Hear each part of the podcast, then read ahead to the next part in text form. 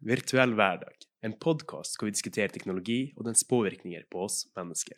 Temaet varierer fra det cutting edge tekniske til business og det samfunnsrelaterte. Alle episodene er naturlige samtaler, hvor vi verken forbereder spørsmål til gjestene eller klipper bort de tåpelige tingene jeg sier. Mitt navn er Serge Pedersen, og velkommen til denne episoden av Virtuell hverdag.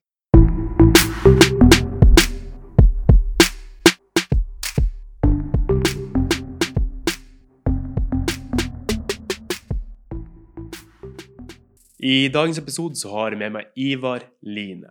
Ivar har over de siste 25 årene starta opp ti teknologiselskaper med mange suksessfulle børsnoteringer og salg. Og over de siste tre årene så har han jobba med hans eh, siste selskap, som er My Voice AI.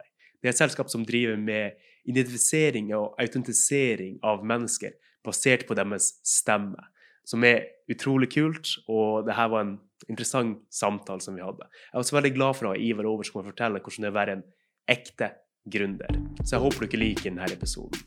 Hei, Ivar. Tusen takk for at du hadde muligheten til å komme. Takk for at jeg kom. Og det er jo som sagt hele veien fra Italia her. Ja, nå er jeg i Oslo for noen dager og har møter, så jeg kom i går kveld. Så det er bra du er fleksibel nok til å få tid til det her. Så det er veldig verdsatt. Ja. Så Grunnen til hvorfor jeg ville ha deg over her, er at du er jo en ganske unik person innenfor denne teknologiske verdenen vår. Du er en gründer, ikke minst en seriegründer, og har gått inn for noe så moderne som voice-kommunikasjon mm. og voice-teknologi. Mm. Så kan du fortelle litt om den reisen, og hvorfor du valgte å gjøre noe sånt? Ofte så er det jo basert på det er ofte basert på tilfeldigheter, mm. eh, som så mye annet. Eh, vi jobbet for fire-fem år siden og så på dette området som gikk på å erstatte det som vi kaller for konvensjonelle passord. Nest, I forhold til jobb med teknologi så er det ulogisk at du de siste 20-30-40 årene har jobbet med konvensjonelle passord. Så vi begynte å se på biometri. Og nå har vi begynt å se på det, som da er alt fra iris til fingerprint og face osv., så, mm. så, så var et av de feltene som, som fanget interesse, var jo dette med stemme som kanskje er en av de mest naturlige måtene å kommunisere på, sånn som vi gjør nå. Det er absolutt.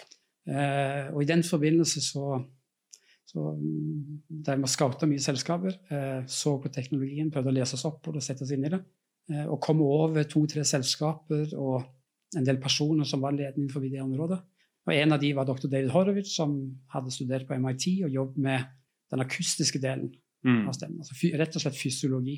Og mange av de eksisterende løsningene som, som en kjenner, var basert på en statistisk modell, der du, trener på en måte modeller med mye data, uh, statistisk sett, og det som da kalles for en Gaussian mixture model. Davids eh, approach på det var en kombinasjon med å tenke fysiologi. Mm.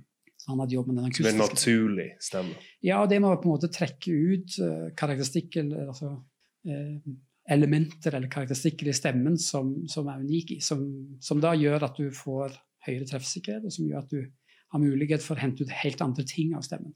Som f.eks. alder, kjønn, emotions eller mm. følelser. Uh, og du kan f.eks. detektere tilløp til Parkinson, forskjellige typer ting. Basert på stemme? Basert på stemme. Det handler òg om fysiologi og muskler. og hvordan... Okay, det er, det er veldig stilig.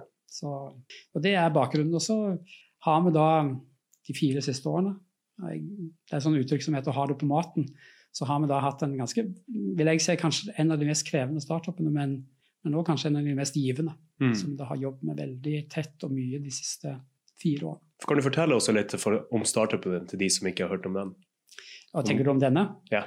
Selskapet heter MyVoice AI. Ehm, det etablerte vi nå for fire år siden. Det er etablert i England, og vi har nå eh, et kontor i Paris og et kontor i Tel Aviv. Mm har òg et norsk selskap som, som, er da basert på dette med det som jeg kaller for voice identification, eller eh, voice biometri, som kanskje mm. mange kjenner. Og som går da på å For autentisering? For autentisering og identifisering. Mm. Eh, og som kan brukes da til å kun ved hjelp av stemme eh, både det som jeg kaller for phrase dependent, som er altså faste frase, som er den, det mest eh, likt det som jeg kaller for et passord, der en sier en bestemt frase. Men kanskje mer interessant fri tale, eller phrase independent, som gjør at den samtalen vi har nå, vil jeg kunne ved hjelp av noen få setninger eller få ord kunne identifisert deg med høy nøyaktighet eller confidence eh, mm. i fri tale. Og som er spennende. På hva slags forskjellige biometrier, hva den ser etter? Er det hvordan jeg prater, hvor kjapt jeg sier ordene, eller hvilke ord jeg bruker? Eller alle de faktorene? Den er helt, altså, den er helt uavhengig av både innhold, språk, grammatikk, eh, men henter ut spesielle karakteristikker i stemmen. Så det som David, som er da min co-founder, eh, og det tekniske teamet som består av mye speech scientist-folk, eh, Mm. det er jo rett og slett å trekke ut karakteristikker i stemmen som identifiserer deg, og som gjør deg unik. eh, Og som er uavhengig som sagt, av innhold. Og det vil si at eh, Vi har kjørt piloter og det som vi kaller for en proof concept, der større grupper har eksempel innrullert seg i engelsk, eh, selv om de kanskje har vært tyskspråklige eller osv. Og Du kan da altså trene opp modellen eller kjøre innrulleringen på engelsk, men switche til ditt morsmål og likevel så gjenkjenne den. At det er Fordi at det handler ikke om innhold eller språk Mm. eller dialekt eller grammatikk. Nei. Og jeg regner med med sånn også så slipper du å forandre dine passord hver eneste måned. Ja, det, For det, den del blir veldig vanskelig med stemmen. det blir veldig vanskelig. Og det, og det er jo faktisk noe av, av bakgrunnen. det at jeg, jeg gjorde en sånn opptelling selv, og jeg fant ut at jeg hadde i hvert fall 50 passord. Mm. Noen bruker du ofte, og de husker du. Eh, mens noen der du kanskje da skifter en maskin eller får ny mobiltelefon, og da må legge inn dette nye, så var det hva var det passordet? Og Da kan du enten, sånn som mange gjør, prøve å bruke det samme, Mm. eller skriver det ned. Jeg har da en egen app som organiserer mine passord med et passord på. Eh, og for meg så det er helt, helt ulogisk at vi fortsatt skal gjøre det. Og det som du alltid har med deg, som du aldri trenger å huske, det er stemmen. Det er det, absolutt. Så det, du trenger ikke å ha proprietært utstyr. Eh, Det er stort sett en mikrofon eller en høyttaler. Så er det på en måte satt opp for å bruke voice.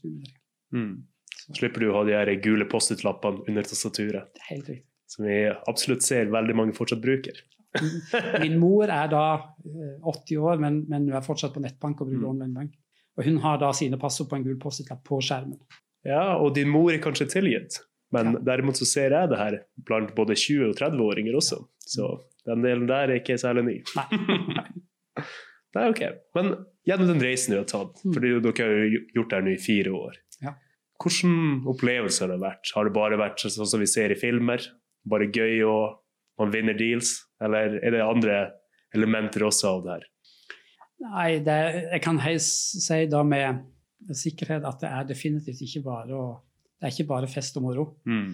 eh, eller på en måte lett. Det er, det er rett og slett enormt mye hardt arbeid. Og så handler det om å være ekstremt dedikert. Og jeg tror òg at det å være gründer generelt sett handler om at du må være villig til å ofre et eller annet. Eh, Og for min del så er det sånn at vi spøker litt med det, men jeg har liksom sett kollegaen min nesten mer enn Åse som jeg er gift med. Mm. Og det er rett og slett at, at hvis du skal få det til, så er det, det er et maratonløp. Det er ekstremt mye arbeid. Og vi har jo hatt perioder under denne reisen der, der norma- normalt sett så kunne vi kaste kortene. Sant? Du kommer til et eller annet punkt der du liksom tenker Er det verdt det? Ja, eller er det en vei ut av dette? Mm. Klarer vi å liksom sortere dette? Men når du kommer til de punktene, hvordan klarer du å fortsette? Det handler, jeg har gjort dette i 25 år. Tok Vært gründer i 25 år? Ja, altså, ja, jeg har startet ti tekstselskaper nå. Jeg, to børsnoterte, uh, jeg har gjort ti exiter. Uh, og jeg har, kanskje i mangel av at det er kanskje en av de tingene jeg kanskje kan, da, Mm. Uh, og som jeg selvfølgelig trives med, så er det nok at summen etter hvert av, og de erfaringene han har gjort oppover, gjør at en kanskje da er litt bedre rusta denne gangen til, til å gå gjennom det. Ofte så handler det om å holde hodet litt kaldt. Og vi bestemte oss veldig tidlig at liksom, vi, vi skal i prinsippet ikke gi oss før vi er i mål. Og vi, vi visste at dette kom til å bli tøft. Og når vi begynte å snakke om Voice for fire år siden Vi har snakket med hundrevis av investorer og vært Mm. i prinsippet over hele verden. Eh, veldig mange som i begynnelsen var veldig skeptiske til dette med voice generelt. Og da tenker jeg spesielt i forhold til å bruke da stemme til å identifisere Ja. eller autentisere. Eller til å gjøre noe med stemmen. Eller til å gjøre noe med stemmen. Men vi har da prøvd å være standhaftig i forhold til at vi Mm. tror at dette, her er et eller annet som kommer til å skje.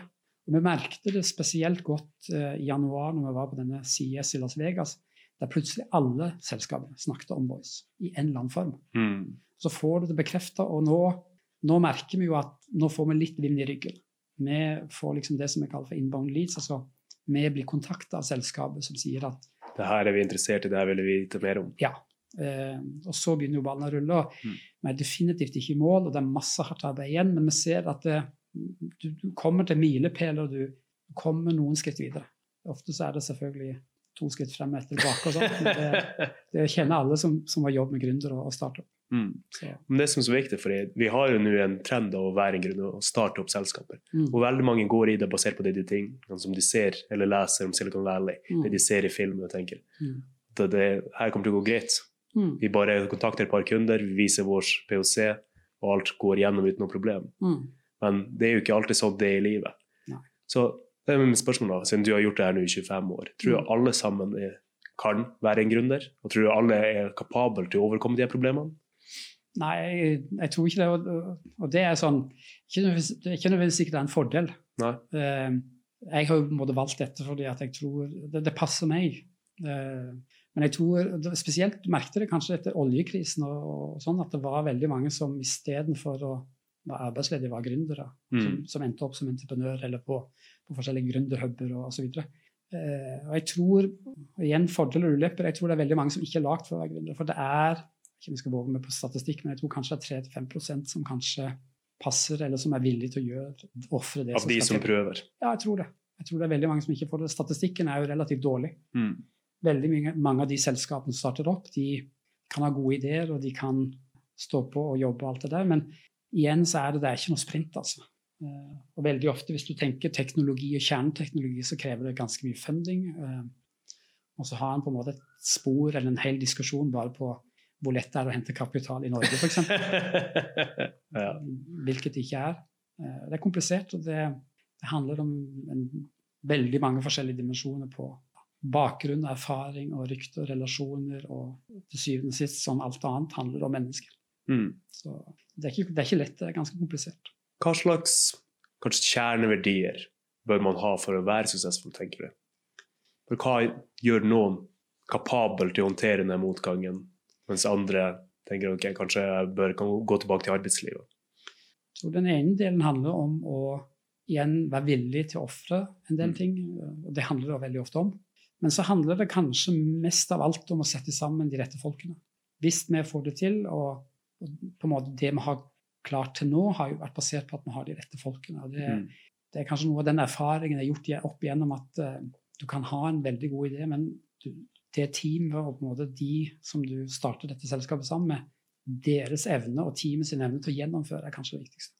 Ja. Du merker òg at investorer eh, de ser veldig ofte òg på det. Det handler til syvende og sist og på slutten av dagen om tror vi at disse klarer å levere.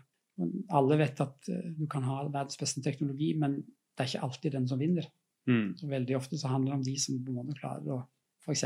forsere utfordringer og klarer å jobbe seg gjennom. For det er, det er et slit, altså, rett og slett. Mye jobbing og veldig sånn dedikert. Så du får litt sånn tunnelsyn når du jobber med det.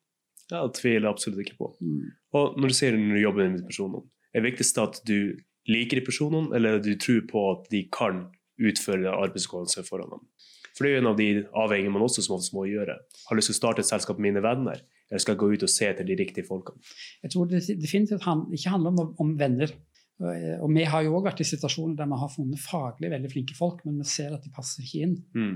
Det handler om både sånn, igjen farlig å bruke masse engelsk, men altså mindset. Altså, de må òg passe inn.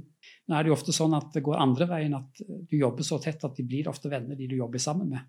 Og jeg tror det handler mer om sånn grunnverdier, eh, entusiasme og tro, og så handler det om hvorfor du gjør det, altså motivene bak det.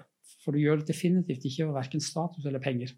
Du må ha en sånn iboende, ekstremt sterk trang eller ønske om å bygge et selskap eller lykkes i et eller annet du gjør. Mm. Det er det som er drivkraften. Det er sånn lidenskap og motivasjon for å få dette til.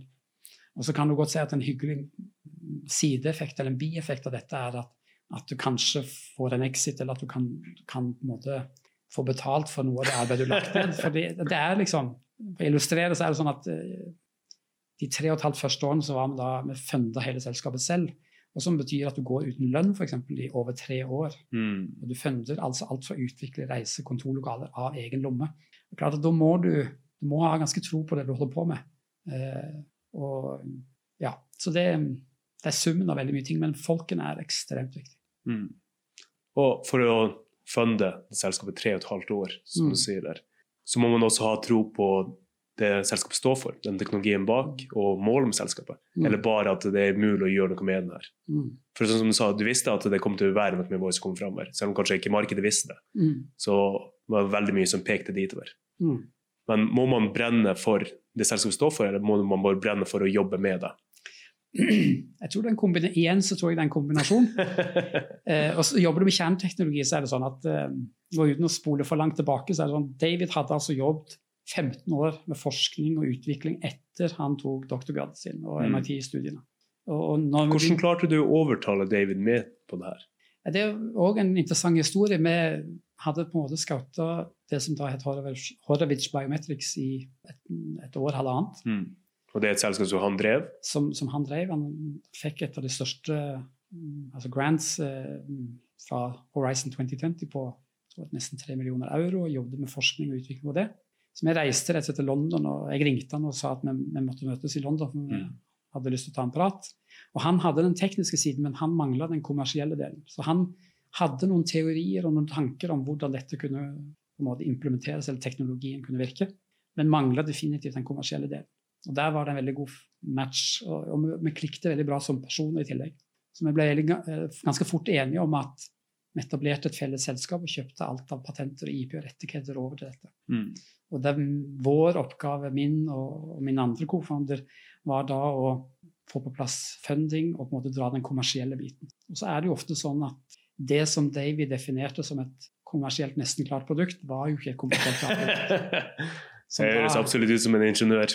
Veldig. Så, så, så vi har liksom nesten snudd alt på hodet og både feila patenter og, og jobbet med å sette sammen en ny teknologi som har kanskje bare vært tilgjengelig de to-tre siste årene, som I-vektor og X-vektor, neurale nettverk osv. Bruke AI på trening av modeller osv. Så, videre. så hans, det som han tok doktorgraden sin på, som da altså The Acoustics Correlator Voice, og sette det sammen med teknologi som begynte å bli tilgjengelig, både i forhold til å kunne gi altså datakraft, men òg teknologi.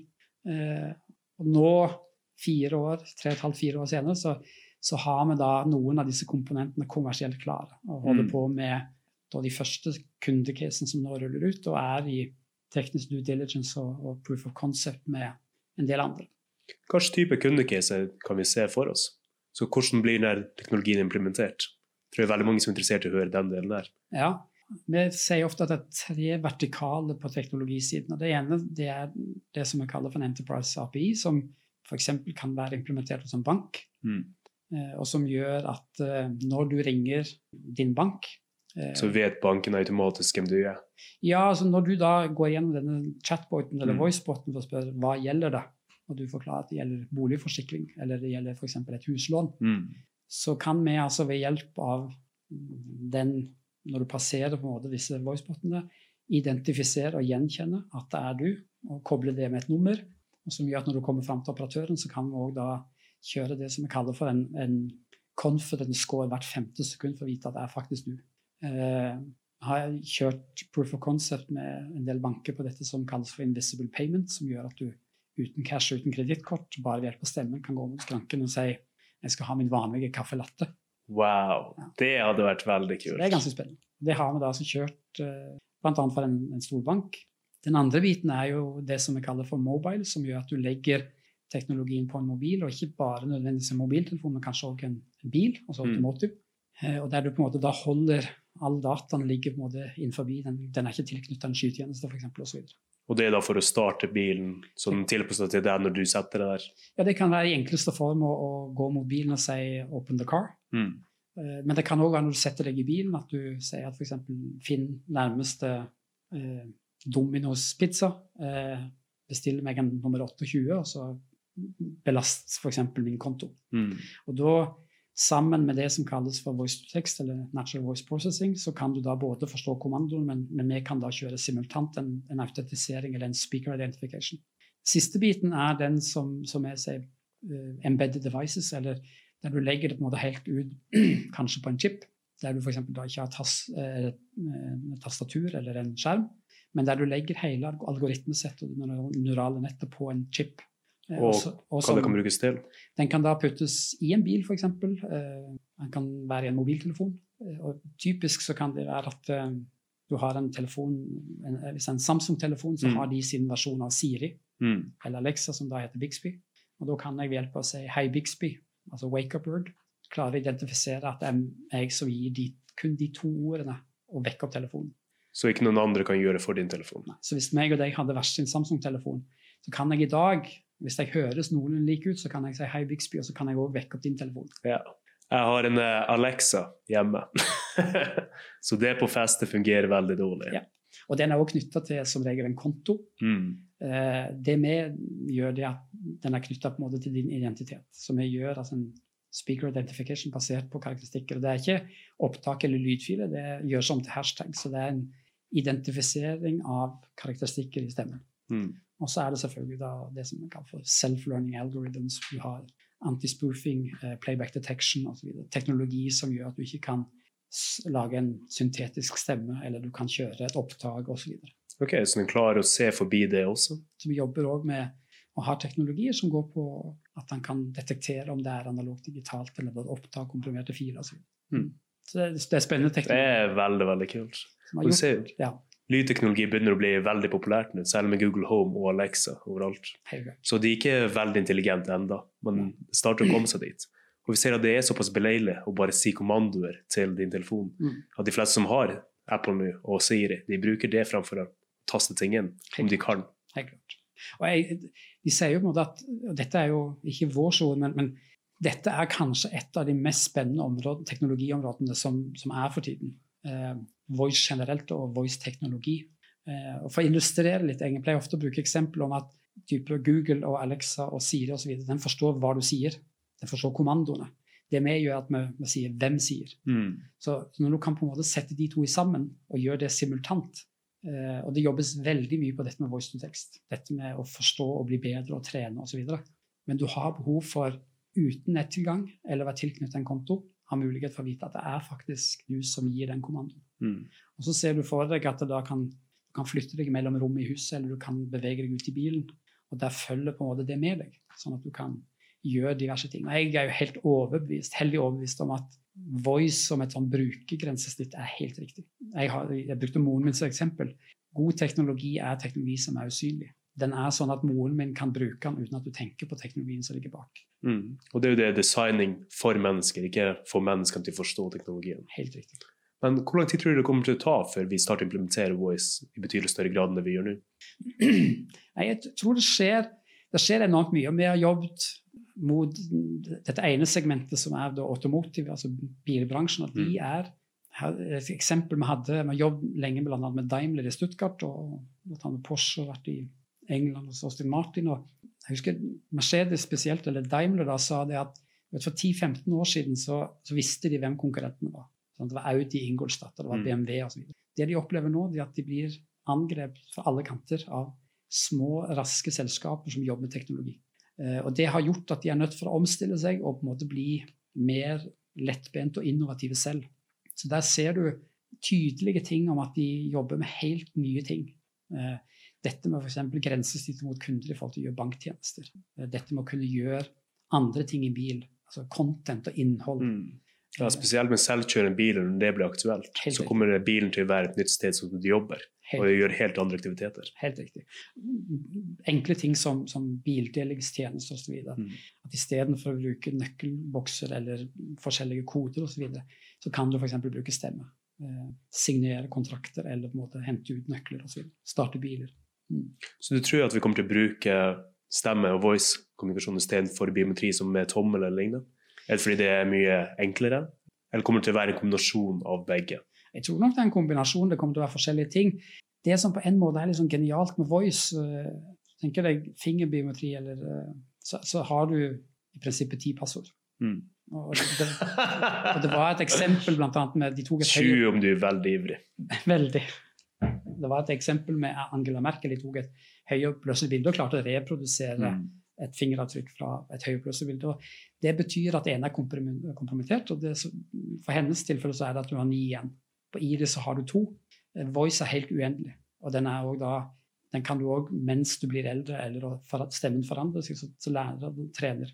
Så jeg tror det er kanskje noe av det viktigste, pluss at du trenger i prinsippet ingen proprietært utstyr. Du har, eh, alle, har nesten, alle devices har nesten en mikrofon og en høyttaler. Mm så skjer det òg veldig god utvikling på den teknologien. òg. Mer høyttalere, bedre kvalitet på de osv. Mikrofoner, ikke minst. Mm. Ja, veldig spennende. Så det er spennende. Hvordan jobber dere med det der? For du sa jo at dere jobber med antispoofing og sikkerheten rundt det. Mm. For Den delen er jo veldig interessant, som du sier. Om Mm. du har sikkerhetsbrudd på tomlene dine, Mm. så kan du ikke bruke dem lenger. Sammen med irisene. Men hvordan gjør man det med stemme? For nå ser vi for veldig mye av eh, bot-teknologien, Mm. spesielt voicebot-teknologien, blir flink å imitere virkelig menneskestemmer og Veldig. virkelig mennesketale. Mm. Om de hører nok av dine opptak, tror du ikke klarer å gjenskape den? Det er jo sånn som med mange andre eh, Hvis du tar passord eksempel, eller fingerprint osv., så, videre, så er klart at det, det er ikke 100 sikkert ennå. Eh, det kommer teknologier. Det er et selskap som, som heter Liarbird, som gjør at du kan, du kan lage din egen stemme. Eller syntetisk på en måte rekonstruere. Eh, så, så det er klart vi, vi jobber med teknologi for å prøve å fange opp, eller da motvirke at det på en måte da blir hacka, eller at det blir spoofa osv. Eh, og det, det er nesten sånn konstant løp i forhold til å finne, finne ut hvordan skal en klare å, å sikre seg best mulig. Eh, og får ofte veldig ofte spørsmål hva hvis jeg har et opptak. Eh, og det krever et relativt godt opptak. Og da er det kritiske ting eller sensitive data, så, så kan du ofte da koble det sammen med Bare så du vet det er derfor jeg har denne podkasten nå. Ja. Tatt all stemme. Jepp. Du Gjør meg klar for future. Ja, ja, ja. Du kan altså sette opp eh, tofaktor på spesielle ting, at du har en kanskje random number osv. som Mm. gjør at du tar vekk risikoen ved okay, Ok, Så den etterspør deg f.eks. ok, kan du si det her nummeret? Eller? Eksempel. Mm. Og da vil du ikke kunne gjøre et opptak.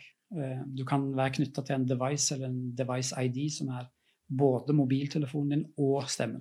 Du kan ha video og stemme som gjør at du faktisk da kan se at det er faktisk den personen som prater. Det er en del sånne ting, men stemmen i seg selv og, og voice biometri er sikrere og enklere enn tradisjonelle metoder. Mm. Veldig gøy. Jeg gleder meg til det her. Eh, mest spennende er vi kjører vi viser det ganske mye nå. mm. Det, det er interessant. Jeg sitter jo midt i det, så jeg syns det er veldig spennende. Men jeg pleier ofte å si det at det, det er når vi begynner å vise hvordan det faktisk virker, som gjør at da begynner det å bli spennende. Ja, selvfølgelig. For når du bare beskriver hvordan ting fungerer, uten den reelle demoen, så Ja. er det fortsatt konsept. Når du ser at det her fungerer i action, da tenker du wow, Det det her er framtiden. Vi var i Østerrike i, for to uker siden. Eh, der var det altså 3900 selskaper som var scouta. De plukket ut 300. 20 av de ble presentert for fire store selskaper i Østerrike. Eh, og som pitcha og kjørte den fire dagers hackathon. Eh, Vi vant hele den konkurransen og fikk fire prosjekter på det. Og det ene prosjektet var, og det viste vi i løpet av disse fire dagene, eller den hackathon, at eh, du kunne f.eks. gå mot en motorsykkel etter mot et utstyr uten nøkler og bare si 'please start Mm. take me for a ride'. Det var nok, og da starta han uten nøkler. Kun ved hjelp av stemme. Da trenger du altså mindre 30 sekunder trening og identifisert på under et sekund. Ja. Det er Det er sånn som man ser på film. ja, det er, ganske, det er ganske kult, og det er ganske imponerende å se det òg. Men nå har du ikke kommet til et sted der hvor man allerede kan se lys gjennom tunnelen. Men Ja. om vi går tilbake til noen av de årene tidligere, Mm. hva slags kamper har du ikke tatt for dere? Hva slags kamper eventuelt må nye gründere være klar til å vite at de her kommer? Det her er sånn som man må være forberedt på. Det som alle sier, og som er helt riktig, det er at det tar ofte mye lengre tid, og det koster mer penger. Mm. Sånn, Jeg, er evig optimist, så jeg prøver jo å være litt realist av og til, realist av og, til og tenke at liksom, det tar lang tid, men det har tatt lengre tid, og det har vært hardere enn det man trodde. Eh, Det å hente kapital òg, for du skal, du skal kanskje jobbe i fire-fem år uten inntekter før du på en måte klarer å begynne å få eksempel da omsetning og inntekter på selskapet. Mm. Og det er fire-fem år med relativt høy risiko i tillegg. Fordi vi er jo ikke sikre på om dette går, om vi har om kvaliteten og hastigheten og confidencen og alt er på en måte god nok. Og ikke minst at det kommer noen andre og, og tar en posisjon. Det krever òg risikovillige investorer, og det er ikke alltid så lett. Så vi hadde en runde og vi pratet med mange norske investorer, men endte opp med å hente kapital i Tel Aviv og London. Mm. Og det er veldig mange som forteller akkurat denne historien der. Mm. Hvorfor er ikke norske investorer mer villige til å investere i nye selskaper, eller gründerselskap? Det skjer mye, og det er veldig mange gode investorer i Norge, men Mm. det, det er alltid eh, komplisert. Det, er liksom, det å dele visjonen og den troen vi har på det, det krever jo at du er flink på en måte til å kommunisere og selge inn den både lidenskapen, entusiasmen, men troen på at du skal kunne levere. Mm. Eh, det er jo noen som har liksom brukt det som eksempel, at det ville vært vanskelig å f.eks. starta Skype i Norge eller gjort Facebook i Norge. Det krever investorer som faktisk da skal gjøre ti, eller ti invest, investeringer. Og så må de da kanskje kalkulere med at det er kun to av de som lykkes, og de to skal betale for de åtte som feiler. Mm. Eh, jobber du med venture capital, så må du kanskje da ha den mentaliteten at eh, én eller to av de går inn det, altså Vi er jo helt overbevist om at hvis vi klarer å ta den posisjonen og levere det produktet, og nå ser vi at vi, vi begynner å gjøre det, så tror vi jo at de investorene som har vært med, får jo definitivt bra betalt for det. Mm. Men de må være risikovillige, og de må våge å ta den risikoen. Sånn at du snakker jo om tidligfaseinvestorer, du snakker om enten corporate venture eller rene WC-er. Vi henter da privat, altså high net worth, eh, teknologiinvestorer i første fase. Mm. Og går nå i neste fase nå. Eh, nå har vi Vi gikk først Vi jobbet var selv-funda fram til vi hadde en skikkelig POC.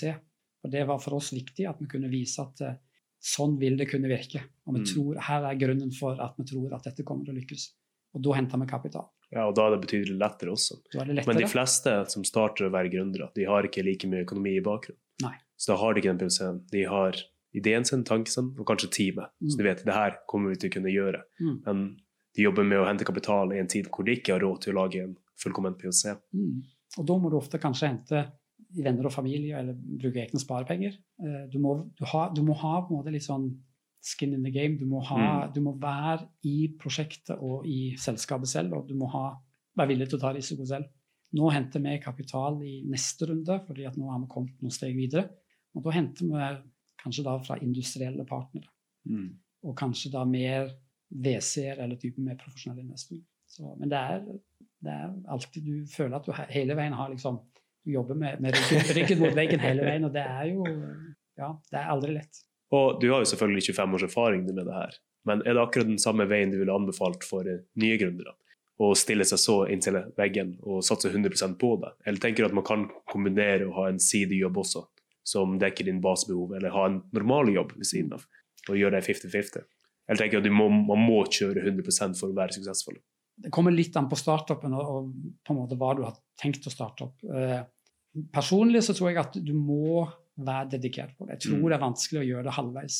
Jeg tror det å, Noen ganger kan det virke, men jeg tror det å på en måte bare ha en sidejobb for å ha noe inntekter og Jeg forstår det og jeg har full respekt for det, men jeg tror det er vanskelig før du er 100% kommittert på det.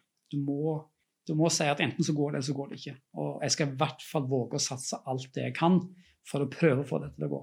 Og så må du være innstilt på det er jo, dette, dette gjør Hver gang sta- gjør en startup, så, så innstiller jeg meg på at dette kan også gå galt. Mm. Eller dette, det kan komme til et punkt der jeg sier at nå må vi kaste kortene. Dette går ikke. Det er òg en sånn øvelse. Når finner du ut at eh, nei, det, vi kommer ikke i mål. Nå må du slutte. Og da er det sånn, da, da har du investert ganske mye tid og ganske mye penger, men på et eller annet tidspunkt så, så må du òg bestemme deg for at nå, ikke lenger. Hvordan man gjør noe sånt? For den delen der kan jeg tenke meg er helt ekstremt vanskelig. Spesielt om du brenner for det du holder på med. Du vet at det her er mulig å gjennomføre, Mm. men du rett og slett bare ikke kommer videre. Mm. Hvordan skal du bestemme deg? Ok, jeg dropper det her, jeg fortsetter med noe annet, eller om jeg bare fortsetter en måned til, ett år til? Det er det som er det vanskelige. Eh, og det er ikke lett, altså. Det, det er sånn learning by doing. Du, du, og det, ofte så handler det om at du må gjøre feil på det. Og jeg har gjort masse feil. Definitivt. Og det, er en sånn, det er en sånn prosess du skal igjennom. eh. Men jeg, jeg mener jo at veldig mange i Norge, hvis du gjør du tenker over det, så er vi ganske godt rusta. Eh, vi har et ganske godt sikkerhetsnett i Norge. Nå Mm. bor ikke jeg i Norge, sånn jeg, men jeg er norsk. Så, men det, igjen, du må være villig til å ofre et eller annet. Og for min del så er det sånn, jeg, hvis jeg går tilbake jeg har jo vært i perioder der jeg har pansret hus og alt jeg har. Hvis det ikke gikk, så, så mister jeg huset. Det er klart at det, sant? Nå, og det er klart, det handler jo om at du, er, du må være ekstremt villig til å ta den Mm. risikoen. Og, Det er absolutt en risiko. Sant? Og så sier jeg til meg verste fall. Hva er det verste som kan skje? Jo, det betyr at jeg må på en måte bare akseptere at jeg ikke fikk det til. Så må jeg enten søke meg en jobb eller gjøre noe annet. Ofte så handler det om at eh, det er vanskelig ofte kanskje å akseptere Det er ikke pengene, men det å akseptere at eh, du ikke fikk det til. Den sosiale delen på det kanskje er mer vanskelig. Og selvfølelsen får et stikk. Absolutt. Tror du vi er mer vanskelig der i Norge enn i USA? For det er i hvert fall mitt inntrykk at i USA, når du f.eks. starter et selskap Mm. og du ikke klarer å kjøre gjennom, så får du et nederlag, men folk ser ikke så negativt på det. Tenker ok, han prøvde i hvert fall. Mm. Mens her i Norge så er det kanskje en mer følelse av ok, han prøvde noe, og det, fungerte ikke i det hele tatt. Han er Nei. utåpelig. Helt klart. Det er, er et veldig godt poeng. Mm. Uh, jeg, av og til så har jeg brukt noen eksempler, mange kjenner de. Altså Suksesshistoriene, det som en definerer som suksesshistorie, er jo ofte summen av veldig mange feil der du plutselig fikk det til. Mm. Eh, jeg tror nesten du kunne plukke ut hvem som helst som på en måte en definerer som en suksess, som har gjort bra ting, om det er bygd opp PayPal eller gjort Skype osv., så, videre, så hører du svært lite om alle de gangene de ikke fikk det til. Så jeg tror det handler om å våge å gjøre feil, prøve å ta mest mulig lærdom av de feilene. Det handler om å reise seg opp gang etter gang og bare si at jeg jeg skal prøve. Jeg gir meg ikke på det. I Norge Mm. så er det en mentalitet om at han prøvde, og så fikk han det ikke til. Så jeg tror ikke han kommer til å få det til. Nei, kanskje det ikke er for deg. Det, kanskje det ikke er for deg. Eh, så han, han fikk det jo ikke til sist gang, så da får han det ikke til nå. Mm. Eh, og det er jo for mange, og for meg så er det jo motivasjon. Det blir litt sånn jeg skal vise. Og det går igjen tilbake på den type personlighet man må ha for å finne svære grunner. Ja. Du tåler motgangen og kanskje blir motivert av den Ja. fremfor at nedsiga. Og så tror jeg òg at eh, noen starter fordi at de tror det er rask vei til status og mye penger. Mm. Neste Mark Zuckerberg. og det er jo òg en helt feil motivasjon. da. Du, Mm. du, er, du er nødt for å ha en ekstrem lidenskap for det du holder på med. Det tror jeg gjelder alt du holder på med, uansett om det er startup eller jobb generelt. At eh, den drivkraften må gå på noe annet enn enn status og penger. Men da er igjen den motivasjonen, da. Må den være retta mot den teknologien eller det feltet man er i, eller kan det være bare for å starte opp selskap? Det er veldig mange tenker at de har lyst til å drive for seg sjøl, de har lyst til å starte et selskap. Mm. Og det er det som er den mest primære motivasjonen for å gjøre det. Jeg tror motivasjon og drivkraften ligger i å bygge noe. Mm. Eh, hvis en jobber eksempel med kjerneteknologi eller nye områder, så jeg har jo ikke noe sko altså, det finnes jo ikke noen utdannelse innenfor voice biometri generelt. da. Nei, ikke når du er så på bleeding edge, så finnes det ikke noen skole for noe sånt. Nei, så det handler jo veldig ofte om at du må lese deg opp, du må sette deg inn i tingene. Det er konstant læring. Eh, og under denne reisen, og på en måte gjennom denne reisen, da, så tilegner du deg kunnskap. Så handler det om å sette sammen de rette folkene. Eh, veldig ofte faglig sterke folk som ofte er mye flinkere enn deg selv. Eh, team er jo da alfa og omega. Mm. Både om det er rene nøkkelfunksjoner som CFO eller Hvordan er man finner de folka, da? For de fleste som starter opp, de ser jo etter sine nærmeste vennekretser. Ja. Men om du tenker ok, det er ingen av de her, her som jeg kan starte deg med, hvordan tar du de stegene til å finne de riktige folkene til ditt selskap? Nei, vi var litt, eh, på en måte litt heldige, fordi at det feltet som innenfor det som kalles for altså natural process languaging, eller speed scientist-folk, så, så er det mange retninger. Mm. Det er ikke så mange som jobber med speaker identification. Og, eh, og dette med å trekke ut karakteristikker av stemmen. Så vi begynte jo å sette oss inn i og se hvem er det på en måte som jobber med dette. Og da bare på Google, eller? Ja, det er alt fra forskjellige altså Alt fra LinkedIn til baser. Å snakke med speed scientist-folk, eh, Mm. være i kontakt med universitetet. Vi har, altså, sikkert vært i kontakt med i hvert fall 20 forskjellige universiteter og plukket f.eks. Moe, som er en av de speed scientistene vi henta, eh, tok doktorgraden sin på universitetet i Avignon. Han kjente mye av dette miljøet. Han visste bl.a. at okay, det, sitter, det sitter to i, Lo- i London eller i England. Det er en veldig bra en i Ukraina. Det er to stykker som sitter i Og så videre. Og så handler det om å, å nøste opp. og du får deg noen sånne si, Hvis du begynner å få flinke folk, så har de en evne til å tiltrekke seg andre flinke folk. Mm. Og dette er òg da faglig sterke folk som ikke er ofte drevet av igjen lønning, høye lønninger og, og penger, eh, men de er ofte motivert av utfordringer og faglig sterke miljø. Og flinke folk tiltrekker seg andre flinke folk. Og hvis du da får på plass noen, så, så har det en evne til å tiltrekke seg andre. Så ja, så det er vel Men det er ja, Du jobber lang tid med måte, å skanne folk og prate med veldig mye forskjellige folk og sette deg inn i det. Hvordan vet du at du har funnet de riktige folkene der? For det er jo en ting som sagt, å finne navnene på dem. Mm. Men når du prater med dem, hvordan vet du at denne personen her har lyst til å ha med? Ofte så begynner du å jobbe sammen med dem. Mm. Du utveksler faglige ting. altså Du begynner å utveksle ting, utfordringer og problemer eller teorier. Du leser eh, avhandlinger eller publiserte, dokument, eller publiserte artikler osv. Eh, ofte så er de da interessert i de, de er faglig orientert. Mm. Og interessert i å prate fag og, og jobbe med, med nye ting. Eh, og så er det rett og slett da at etter hvert så begynner du å få erfaring på dette med å lese folk og hvem som passer inn. Også. Altså sånn rent kjemi. At de, har, at de er rette folk til å for være innstarter, for det er heller ikke alle som er. Eh, Alle systemene og rutinene er ikke på plass. Du jobber konstant med funding av selskapet. Du har kanskje en horisont på Er du heldig kanskje på et år? Eh, I mange tilfeller så har du kanskje seks til åtte måneder. Mm. Du vet at I løpet av de seks til åtte månedene så må du ha på plass neste runde, eller du må ha funding. Du må ha kunder som på en måte skaper inntekter. For at selskapet skal kunne fortsette videre. Selvfølgelig. Mm. Så ønsker du å hente inn nok, men ikke for mye kapital i de forskjellige fasene.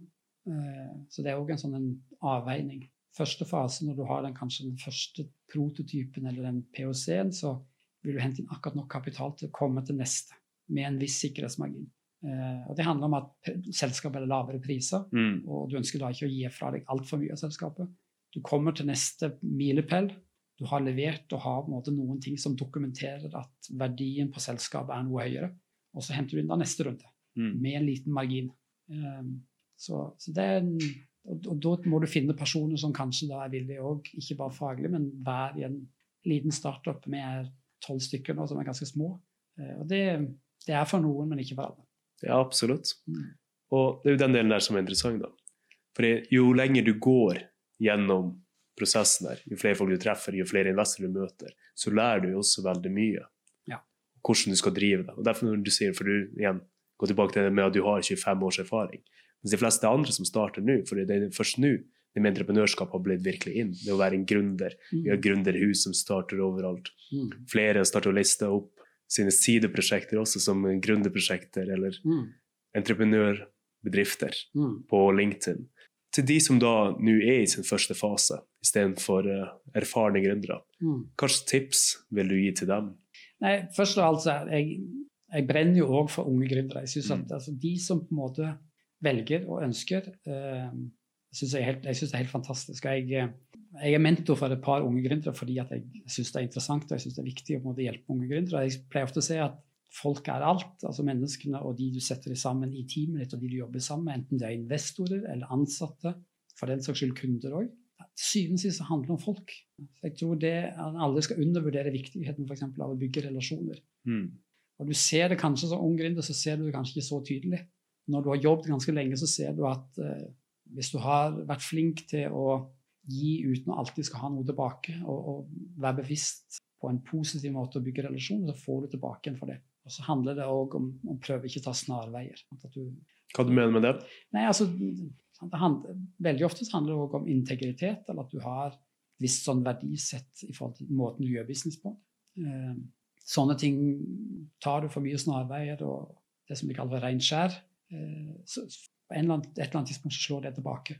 Eh, jeg tror jo, Når vi snakker med investorer, så er det sånn at det er nesten som at du gifter deg. nesten. Mm. Så jeg tror Vi har jo også vært veldig sånn åpne med investorene at den kjemien fra, skal stemme begge veier. Så Når du går inn med, sammen med en investor i et selskap, så sitter du tett på. Eh, og, og du er avhengig av at, at du har noen sånn felles greier. At du brenner for litt av de samme tingene, har den samme lidenskapen. Eh, den ene investoren som, som vi har fått inn i selskapet, som sitter i Tel Aviv, jeg snakker med han hver uke. Og Det er ikke nødvendigvis for at jeg må snakke med han hver uke, men han er engasjert, og, og, og jeg oppdaterer han og, gir han status. Eh, og Da må du være tett på, og kjemien må stemme. Så, og forhåpentligvis så, så har du en sånn mentalitet som også går på at du ønsker å levere mer enn det som er forventa i alt du på en måte gjør. Det, det er ikke alltid så lett, men du, du prøver liksom hele veien. Og når du henter inn kapital, så er det et veldig ansvar. Du skal liksom levere tilbake igjen på den kapitalen. Mm, absolutt. Så, Du nevnte også det med at det handler om å finne de riktige folkene i dine kunder. mm. Hva du mener med det?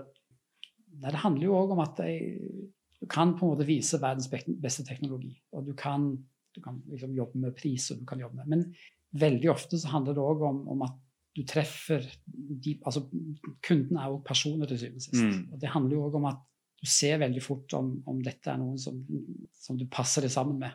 Og du snakker ikke bare for min del, men teamet generelt. Eh, og det handler sånn om, om de syns at det er interessant å jobbe sammen med deg, om de liker deg som person. Så, så jeg tror teknologi er viktig, men, men det er definitivt ikke det viktigste i forhold til å etablere relasjoner og bygge kontakter og få kunder. Jeg tror det handler òg om, om folk. Mm. Eh, veldig mange. Og det er det samme som investorer ser etter? Ja, absolutt. Eh, jeg tror investorer òg er sånn at eh, de gjør selvfølgelig den tradisjonelle due diligencen og, og har sine mandat og hvordan de investerer, men de kommer helt på slutten og, og skal ta en sånn ja eller nei, så handler det om tro med utgangspunktet at de personene og det teamet har evnen og, og på en måte viljen og, kan de levere? Eh, og da handler det veldig ofte om person. At det stemmer. Mm. Så, så det er viktig. Så, Når man jobber sånn som gründer, mm. hvor mye tid må man tenke med at det her går på da? For du sier du må gi bort nå, Mm. bare kansellere noen del av livet ditt. Hva bør man regne med?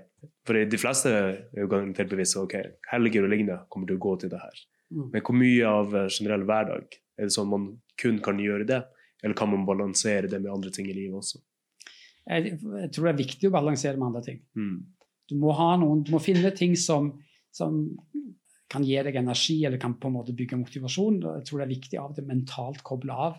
Men, og jeg tror det er forskjellig fra startup til startup. For vår del så har det vært ekstremt tidkrevende. Eh, vi har liksom etablert kontor og jobb nå nesten ett år med, med kunder i Tel Aviv f.eks., eh, Stuttgart, Berlin, München. Har kontoret vårt i London. Eh, vi har etablert kontor i Paris. Det betyr at du Mm. reiser mye. Det er jo ikke en dag det er jo, det er jo ikke en dag jeg ikke jobber mentalt sett på en eller annen måte med denne startupen og MyVoice. Eh, og det gjelder nok absolutt alle på teamet. Eh, Jeg har en kollega av meg som, som er min da co-founder, som heter Nicola. Er kanskje en av de absolutt beste jeg har jobbet med noen gang. Jeg prøver jo av og til å si til han du må, du må mentalt koble av. Altså, Ta en pause. Nå må du ta en pause. Mm. Men jeg hadde en sånn aha-opplevelse nå når det ble påske. for Jeg, fikk, jeg hadde noen venner i Norge som lurte på hva jeg skulle gjøre i påsken. Og jeg hadde liksom ikke tenkt at det var påskeferie. Så for min del så gikk det stort sett. Men jeg er flink til å koble av, og jeg prøver å bruke sånne ting både på Prøve å finne sånne rom til å trene litt. Grann. Mm. Sånn at jeg har to barn, så jeg, de er, um, studerer nå i USA. og Sønnen min bor i Oslo, så jobber og skal studere nå. Så det gjør det litt lettere for meg, fordi at jeg har ikke små barn hjemme. Så, men det, det, det tar mye tid. Mm. Og når de, både dine møter og din familie over hele verden, så blir det mye å ta tak i. Ja. Men hvordan, når du jobber så mye som du gjør Mm. For jeg vet det er folk som har drevet med å jobbe mindre enn det, spesielt der jeg kommer fra konsulentbransjen, og der er veldig høy grad av utbrenthet. Mm. Hvordan forhindrer man det som en gründer, som kanskje jobber like mye eller mer enn konsulenter? Jeg tror jo en av de viktigste tingene er at eh, Jeg har jo en sånn greie på at jeg tror jo at hvis du gjør, hvis du gjør noe som du virkelig syns er spennende, så, så er det mye lettere å gå på jobb. Mm. Jeg, 99 av 100 dager så står jeg opp om morgenen og gleder meg til å begynne å jobbe. Og det hjelper jo veldig. Så, så jeg tror jeg kunne jobbet halvparten av tiden med en jobb som jeg ikke trivdes i, og vært utbrent. Men jeg kan godt bruke da dobbelt så mye tid på noe som jeg virkelig brenner for. Jeg gjør det jo fordi jeg genuint syns at det er fantastisk spennende. Og det gir meg så mye Jeg lærer såpass mye. eh, Jeg jobber sammen med bra folk. eh, Så, så nøkkelen ligger å gjøre noe du virkelig brenner for. Der du nesten føler at du får dårlig samvittighet av det, for det er ikke en jobb. Så, ja. ja, det høres ut som en veldig luksusposisjon å være i, sånn sett. Rent motivasjonsmessig. Ja. Men det er jo veldig mange mennesker som også ikke vet hva de brenner for, og hva de må motivasjon for. Mm. Tror du de kunne også prøvd å for ta en av sine hobbyer og være grunnen for det? Absolutt. Eh, Alle starter jo en eller annen plass, og, alle starter jo gans, ganske uerfarne. Og med ting de kanskje da ikke er så sikre på. Jeg tror det handler om å våge å satse. Og Det er et sånt uttrykk som sier at du må, du må våge å gå ut forbi komfortsonen. og Det er ut forbi komfortsonen tingene eller lykken ligger ut forbi komfortsonen. og det, det er ganske mye sant i det. Eh, så jeg tror det å våge å satse, og selv om du kanskje ikke kjenner alt det, det kan være en hobby, det er en lidenskap som du da gjør til en startup. Det tror jeg er et godt utgangspunkt. Mm. Hvordan skal du forklare til dine venner og din familie at du dropper din godt betalte, sikre jobb, og du skal istedenfor tjene penger f.eks. på å male på nett? mm. Nei, jeg tror det er jo det som, det er, jo det som er vanskelig av og til. at det Jo, men ikke sant? jeg har jo hatt ikke sant? Veldig, altså venner som er tett på meg. Som, jeg har en mor som på en måte fortsatt nå, etter så mange år, når jeg kommer hjem på besøk, så sier jeg at lurer på hvorfor jeg vil utsette meg for dette. Kan du ikke, Mm. kan du ikke, jeg har ikke lyst på en vanlig jobb. Så, så jeg har jo venner og familie som på en måte lurer på hvorfor jeg orker. Men jeg sier at eh, jeg gjør det jo fordi at jeg genuint syns det er kjekt, og at jeg trives med det. Det tror jeg gjelder alle som har lyst til å starte opp, at eh, du, du går litt motstrøms. Du gjør, det, du gjør en del ting som vanlige folk velger, å, eller som velger vekk. da. Så, Mm. Jeg hadde en, en, en god venninne av meg som heter Victoria, som skrev en artikkel om at veldig mange ser på en måte at det, det ser veldig sånn det ser veldig kjekt ut. Du har mulighet for å kunne reise rundt og bestemme din egen arbeidsdag. og Skulle ønske jeg hadde det sånn. Men, men, bak det så ligger det ekstremt mye bevisste valg, og at du ofrer relativt mye òg. Mm. Det ofrer kanskje at du har en fast betalt jobb og du har fem ukers ferie. At du har kanskje da spart opp en hytte på fjellet, eller at du har to biler. Og det er ikke alle som ser den biten av det, alt det du ofrer òg. Med relativt høy risiko og faren for å mislykkes på det. Ja. Og vi hører jo også bare suksesshistoriene. Vi hører veldig lite om de ni av ti andre bedriftene som mm. gjorde nøyaktig det samme, kanskje ikke strakt til på noe, som kan være flaks. Helt riktig. helt riktig. Og jeg tror mange ganger så du må Av og til så må du feile for å få det til. Mm. Du hadde et sånt et interessant punkt, og det er en kultur USA har jo hatt en del at, det, at verdien av å på en måte ha vært igjennom tunge tider og på en måte ha tilegnet erfaring for å ikke få det til, er ganske viktig. Det er noe med at Hvis du bare har seilt på en bølge hele livet, så har du kanskje ikke når du da virkelig kniper, for det gjør du som regel alltid. Du kommer til noen punkter der du får skikkelig motbør og, og motvind. Det har vært igjennom det før, og, og klare å identifisere hvor de samme tingene. Vite kanskje hvordan du skal komme gjennom det, det er ganske viktig. Så litt annen kultur på det. Mm. Du tenker at vi har litt mer struktur, eller ikke struktur, press på å ha et mer strukturert liv? At du går ungdomsskolen, videregående, du velger din master, du velger din bachelor, du går hele veien ut der, mm. skaffer en karriere. Mm. At det er sånn samfunnet er strukturert? Jeg tror mye er sånn. Uh, og igjen, bare for å si det, jeg tror ikke nødvendigvis at mitt valg er noe bedre på noen som helst måte enn mm. andre. Og igjen så tror jeg det handler om å prøve å gjøre noe som du føler at du kan håndtere og er, er flink til, eller som du kan få til. Enten det er f.eks. da gå på studier og ta en master og gå ut i jobb. For min del så handler det bare om at det passer meg.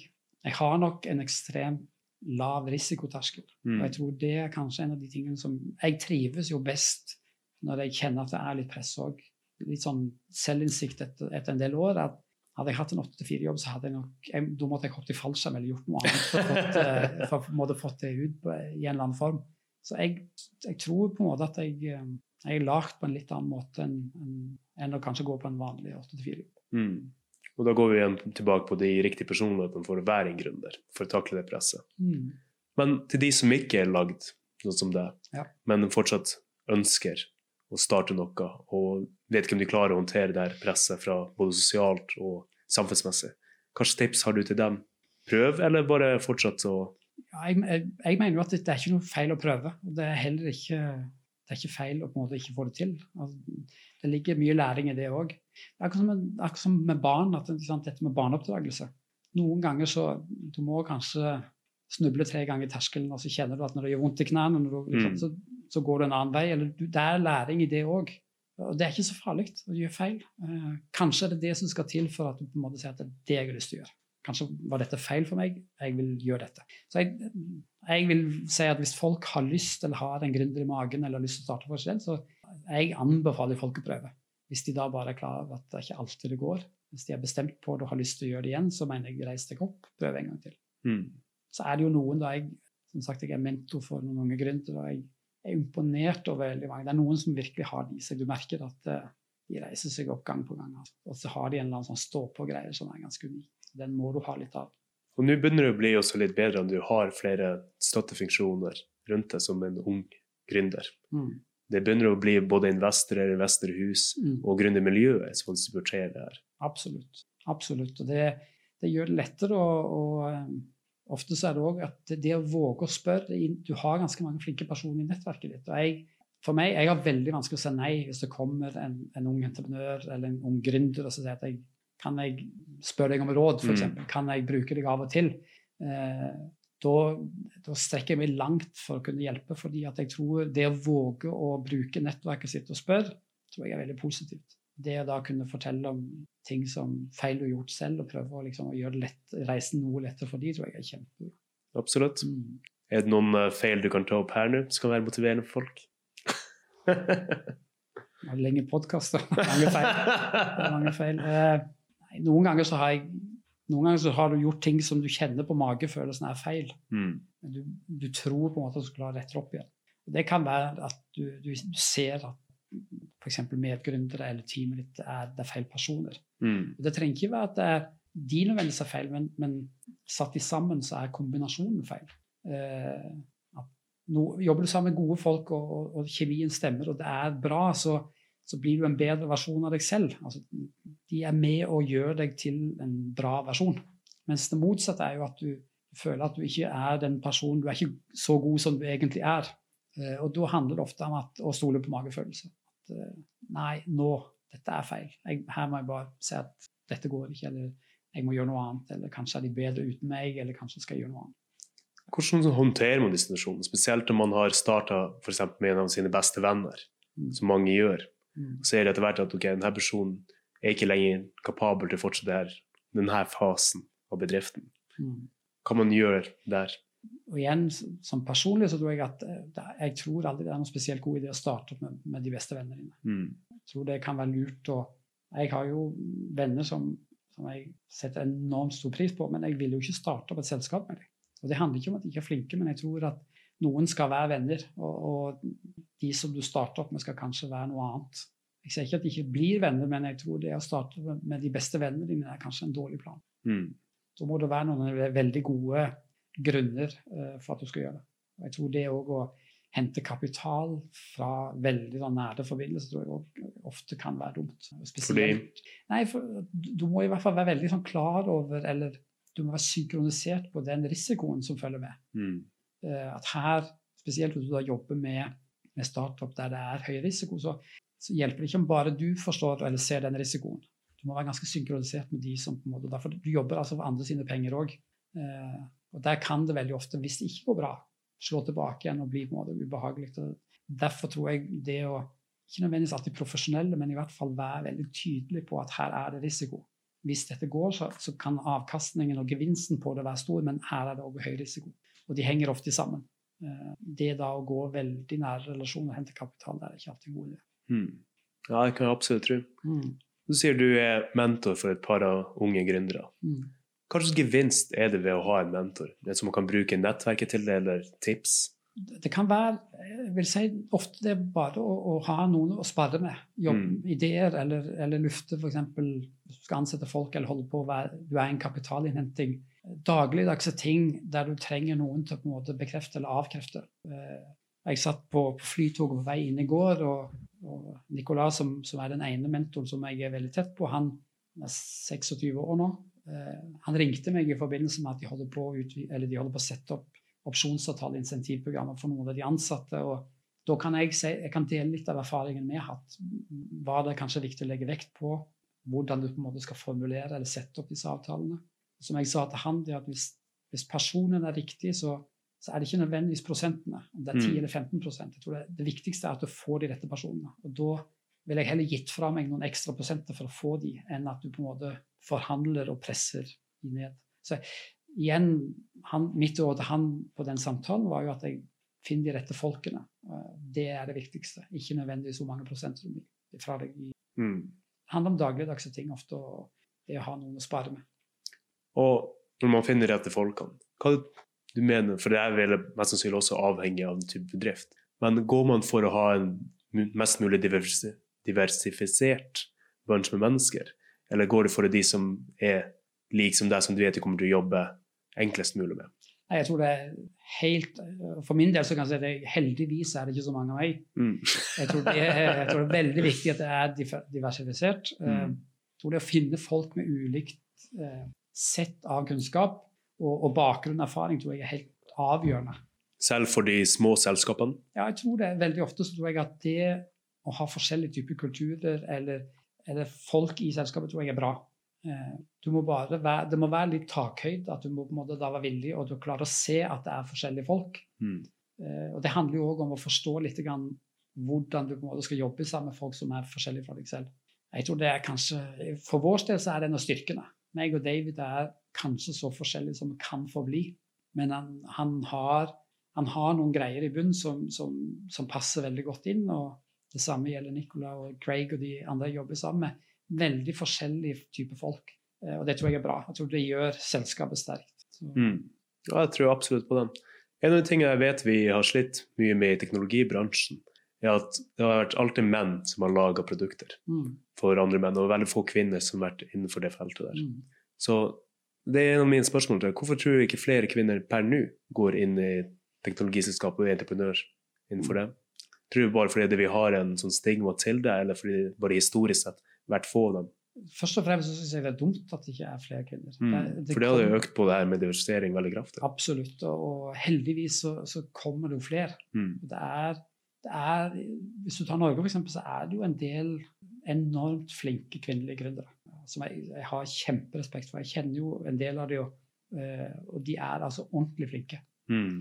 Så jeg tror det handler om at eh, det har vært dominert ofte av menn tidligere, litt, hvis du går tilbake i tid, og som har gjort at andelen menn har vært ganske mye større. Jeg tror det endres litt. Jeg tror det skjer både på investorsiden og på entreprenørsiden så kommer det flere damer. og Det er mye flinke folk. Absolutt. Så vi prøver jo òg for vår del eh, å ansette flinke damer fordi at vi tror det er viktig. Og de har ofte har hatt intervju med en kvinnelig sånn speech scientist som vi har lyst til å ansette, og som vi jobber med nå, pluss en annen dame som jobber på business development, som, og som har, de har en del kvalitet og egenskaper, Mm. og enormt flinke folk. Så Ja, og det er veldig viktig at A-en deres også gjenkjenner kvinnelige stemmer òg. ja, definitivt. For det var en av de tingene når de slapp ut eh, ansiktsgjenkjenning. Ja. Så viste det seg at de kun var dyktige på hvite menn. Mm. Helt til de startet å programmere litt mer rundt det. Det er ganske interessant når du sier for Vi kjørte en sånn pilot det er nå er det nesten et år siden, der vi jobber med sånn confidence score og Mm. equal average osv. Og en av de tingene den òg feila på, var faktisk kvinner. Mm. Så, så, så der måtte vi jobbe med algoritmesettet, faktisk. For det, der var det der er ofte lav confidence som slo feil ut.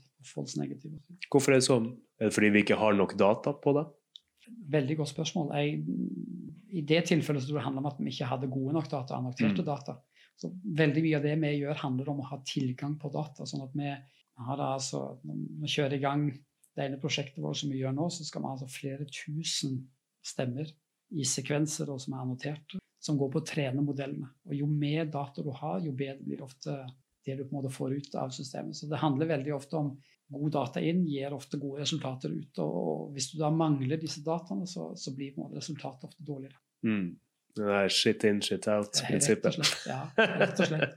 Og det har jo vært sånne diskusjoner nå på en del av disse store selskapene der det har sittet folk faktisk og brukt opptak av kunder og annotert data, altså tusenvis av folk. Mm. Og det handler jo rett og slett om å se, og den som sitter med et stort datasett eller store mengder data som er med høy kvalitet og som er annotert, sitter på en ekstremt stor verdi. Uh, og det er ofte det som er en sånn kritisk faktor også som, av det vi jobber, det er å få tilgang på god data. Mm. Det kan enten kjøpes eller det kan hentes ut. Men i forbindelse med, med reguleringer og lovverk så må du ha samtykke. og det er en del sånne ting der som Hvordan har det påvirka dere? Det med GDPR og lignende type reguleringer som blir mer og mer i fokus nå? Det har jo på en måte gjort det enda mer aktuelt i forhold til en del av de retningene vi går. Bl.a. Blant annet om at eh, hvis du legger det på en chip eller hvis du har en mobiltelefon, så, så ligger dataen der. Han går ikke Mm. ut, f.eks. Han legges ikke i en skytjeneste osv. Så, eller en sky. Så for oss så har det vært bra, men, men det har vært viktig å være veldig tydelig på hvordan det fungerer. Dette med, hvis du skal kjøre i et f.eks. mot en bank eller ha et system der du eksempel da, selv om du ligger bak bankens system, eller er på en skytjeneste, så må du ha tilgang og godkjennelser osv. Mm. Det, det er bare å være klar over det, men, men jeg tror det er nesten bare en sånn en, et regulativ eller en, en slags noe du må forsere uansett. Tror du det er et sånt hysterie vi har startet med, noe som kommer til å dempes? Eller tror du vi kommer til å fortsette med det fokuset å prøve å sperre alt av datainformasjon? For jeg vet veldig mye av det med data er jo essensielt for å bygge alle de tjenestene som vi har nå. Derimot så har vi veldig mye politikk som prøver nå å motarbeide det. Mm. Det er jo sånn, veldig sånn tydelig signal, ikke minst et faresignal, men det, når vi snakker om, om mye av dette med identitet, så det, den, ideelle, den ideelle fremtiden er jo at hver og en eier sin egen identitet. Mm. Hvis, du, hvis du gjør en sånn en rask eh, beregning på hvor mange plasser eller hvor mange steder du har liggende informasjon, i stor eller større og mindre grad, så klart det, det ligger enormt mye informasjon om deg ute på alle slags typer nettsteder og i baser osv. Den ideelle verden ville jo vært at du eier din egen identitet, og det er knytta kanskje biometrisk identifisering til den profilen. Sånn at hvis du går inn i en bank, så sier du at jeg kan gi deg tilgang til min identitet, eller å få en verifisering på at det er meg. Mm. Men den identiteten, den er min. Så du får en slags handshake som sier at ja, det er faktisk deg. Men informasjonen beholder du. Og så bygger du på en måte den profilen, og den eier du. Det er jo det som jeg tror det går mot. Det tror jeg også. Og det er jo det ganske interessant, for i, i bunn og grunn, en av de tingene som Intra ble bygd på, var jo anonymitet. Mm. Hvordan tror du det kommer til å være med de tjenestene, der man fortsatt ønsker å være anonym? Jeg tror det er en av de store utfordringene framover. Det, det, har vært veldig, det har vært veldig liksom, mye diskusjoner det, innenfor det feltet vi jobber med, med Voice, men dette med at de store, og uten å nevne navn, ligger og lytter og, og gjør opptak og, henter ut ganske mm. sensitiv informasjon. Eh, og gjør opptak av sant, i hjemmet ditt. Eh, og som gjør at folk blir skeptiske og på en måte blir redde for at den informasjonen kan brukes på andre typer måter, eller at den er i en eller annen form som, som du ikke har kontroll på selv. Jeg tror behovet for å beskytte mye av den informasjonen, den, den tror jeg blir, eh, der kommer det til å skje ganske mye framover. Behovet for å være noe mer anonym eller eie en del av den informasjonen om deg selv. At du eier den selv, faktisk. Men hvordan skal man gjøre det når for du har den type biometri som dere jobber med? at når du bare sier noe til en voice assistant, og vi kommer til å ha voice assistants mm. framover til alt framover, mm. med en gang du identifiserer at det her er deg? For det første så er det sånn at uh, vi, gjør, vi, vi, bryr oss ikke om innhold eller nødvendigvis hvem personen er. Vi, mm. gjør, en, vi gjør, en, identifisering eller en autentisering. Uh, og, foreta et handshake som, som, i prinsippet er en hashtag. Som, som vi oppbevarer ingen lydfiler eller noen ting. Vi gjør kun en identifikasjon eller en autentisering. Mm. Eh, det å på en måte bevege seg over til der du ikke nødvendigvis er knytta til en device eller knytta til en sky, gjør at uh, du f.eks. kan samle den informasjonen liggende på en mobiltelefon eller på en chip, og som gjør at han i prinsippet ikke kommer ut. Han er ikke tilgjengelig for andre.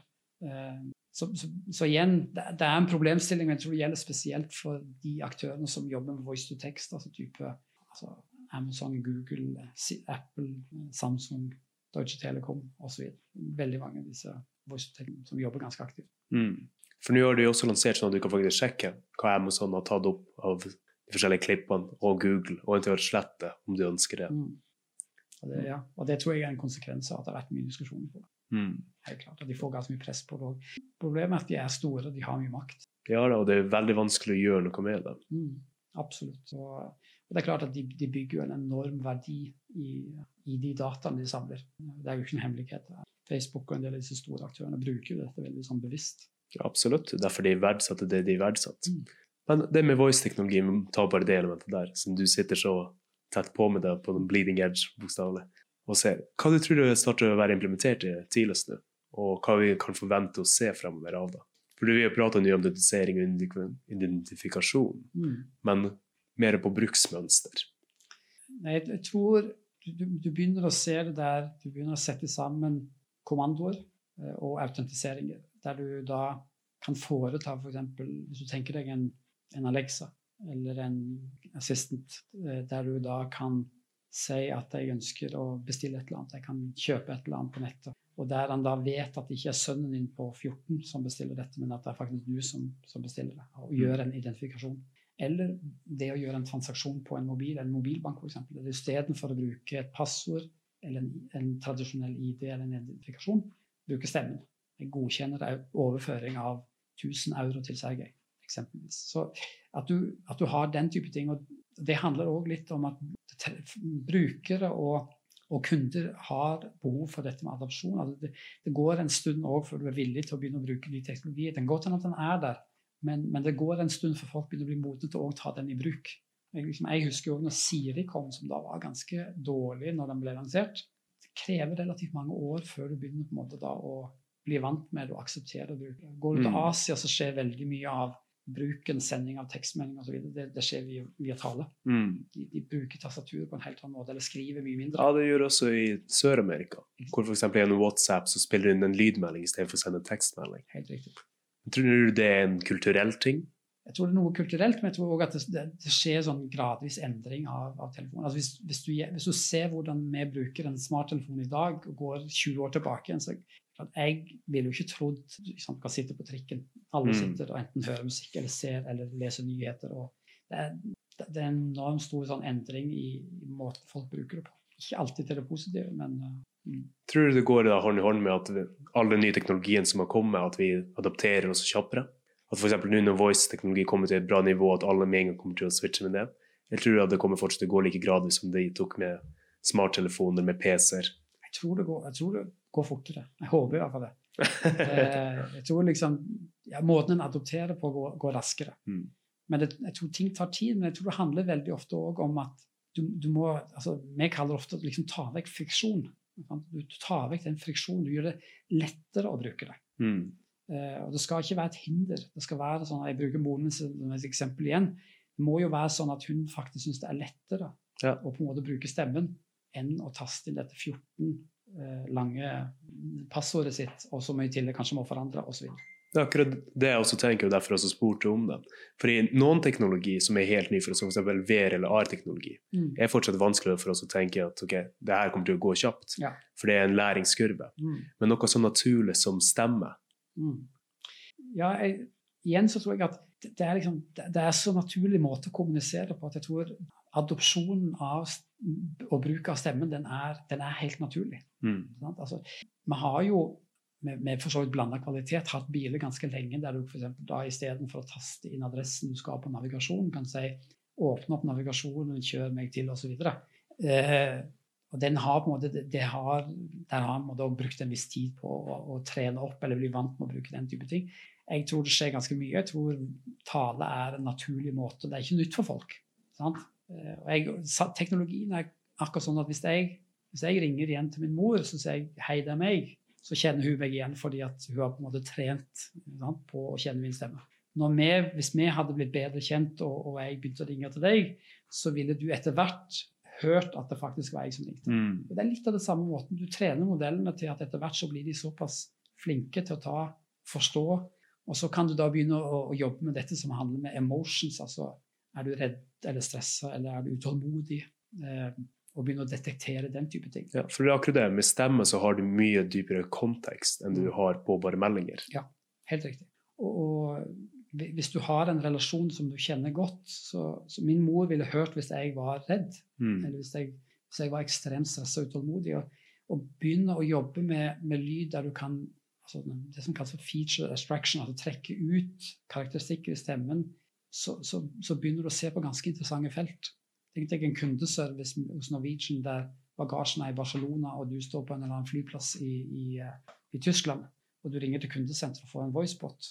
Og så er du ganske stressa fordi at du Mm. har da bagasjen den plassen, og flyet er forsinka osv. Da vil du på en måte komme ganske raskt til en operatør. Tenk at du har en teknologi som veldig kjapt senser at her, her er det smart å gå rett på en operatør, få hjelp med en gang. Du kan gjøre ganske mye sånne type ting. Eh, og vi tror at det ligger enormt mye i stemmen eh, som du kan ta ut. Og vi har jobbet MIT Lab har jobbet med noe som kalles for biomarker, som går på dette, detektere forskjellige Og bio MIT Lab har patentert og jobbet mye med teknologier som går på å hente ut altså tilløp til forskjellige sykdommer som Mm. er fysiologiske. basert på stemme. Og det er det du sa Mm. tidligere, at du kunne identifisere Tilløp til Parkinson, f.eks. Mm. Og som er interessant. Folk som, som er, veldig, er i veldig stressa situasjon, eller kanskje trua. Eh, det er klart at Vi tror at mye av teknologien framover kanskje ikke bare handler om å identifisere på stemme, men hente andre typer ting òg. Der kan du sammenligne igjen veldig mye av det som er naturlig. at eh, jeg ville hvis jeg så deg og hørte stemmen din, så ville jeg kunne forstå om du var avslappet, eller om du var sint, eller om du var eksempel utålmodig. mm. Fordelen når du bruker AI og teknologi, så kan du gjøre en del andre ting som det vanlige, altså våre ører ikke klarer å fange opp. Der du kan trene modeller. Ok, bare et veldig rart spørsmål der. for det du sier der, det er våre ører ikke kan ta opp. For det lydfrekvensen som vi, lager, Mm. og som vi forstår, er veldig begrenset for hva som er mulig med andre dyr. Mm. Er det mulig at vi produserer noe annet som ikke vi kan høre? Så man kan også bruke inn der dataformateringen. Det er et veld, veldig godt spørsmål. Eh, For jeg kunne neppe hørt om noen starter for parkinson. nei, akkurat. akkurat. Det, det handler jo om små nyanser. Men bare for, å illustrere litt om teknologi det er sånn at Vi kjørte noen av disse POC-ene, bl.a. for en del av disse bilprodusentene. så er det sånn at Hvis du trener f.eks. et spesielt lydbilde i en bil, der det er mye lyd fra vind og motor osv. Når modellen i utgangspunktet trener opp og på en måte klarer å identifisere den lyden, så kan du isolere den ut. Mm. Du kan nesten, du kan nesten pakkettere den og på en måte ta den ut. Det kunne du ikke gjort med et vanlig øre. Du kan til en viss grad klare å skille ut noe. Men, men det er klart, der kommer jo teknologien inn. At han da, fordi at han òg er basert på akustisk modellering av stemmen, så kan du òg sense f.eks. at det er ting i måten du puster ut på, eller musklene som strammer osv., som gjør at du Mm. i tidlig fase kan detektere forskjellige typer ting. Sånn som du ikke ville kunne gjort f.eks.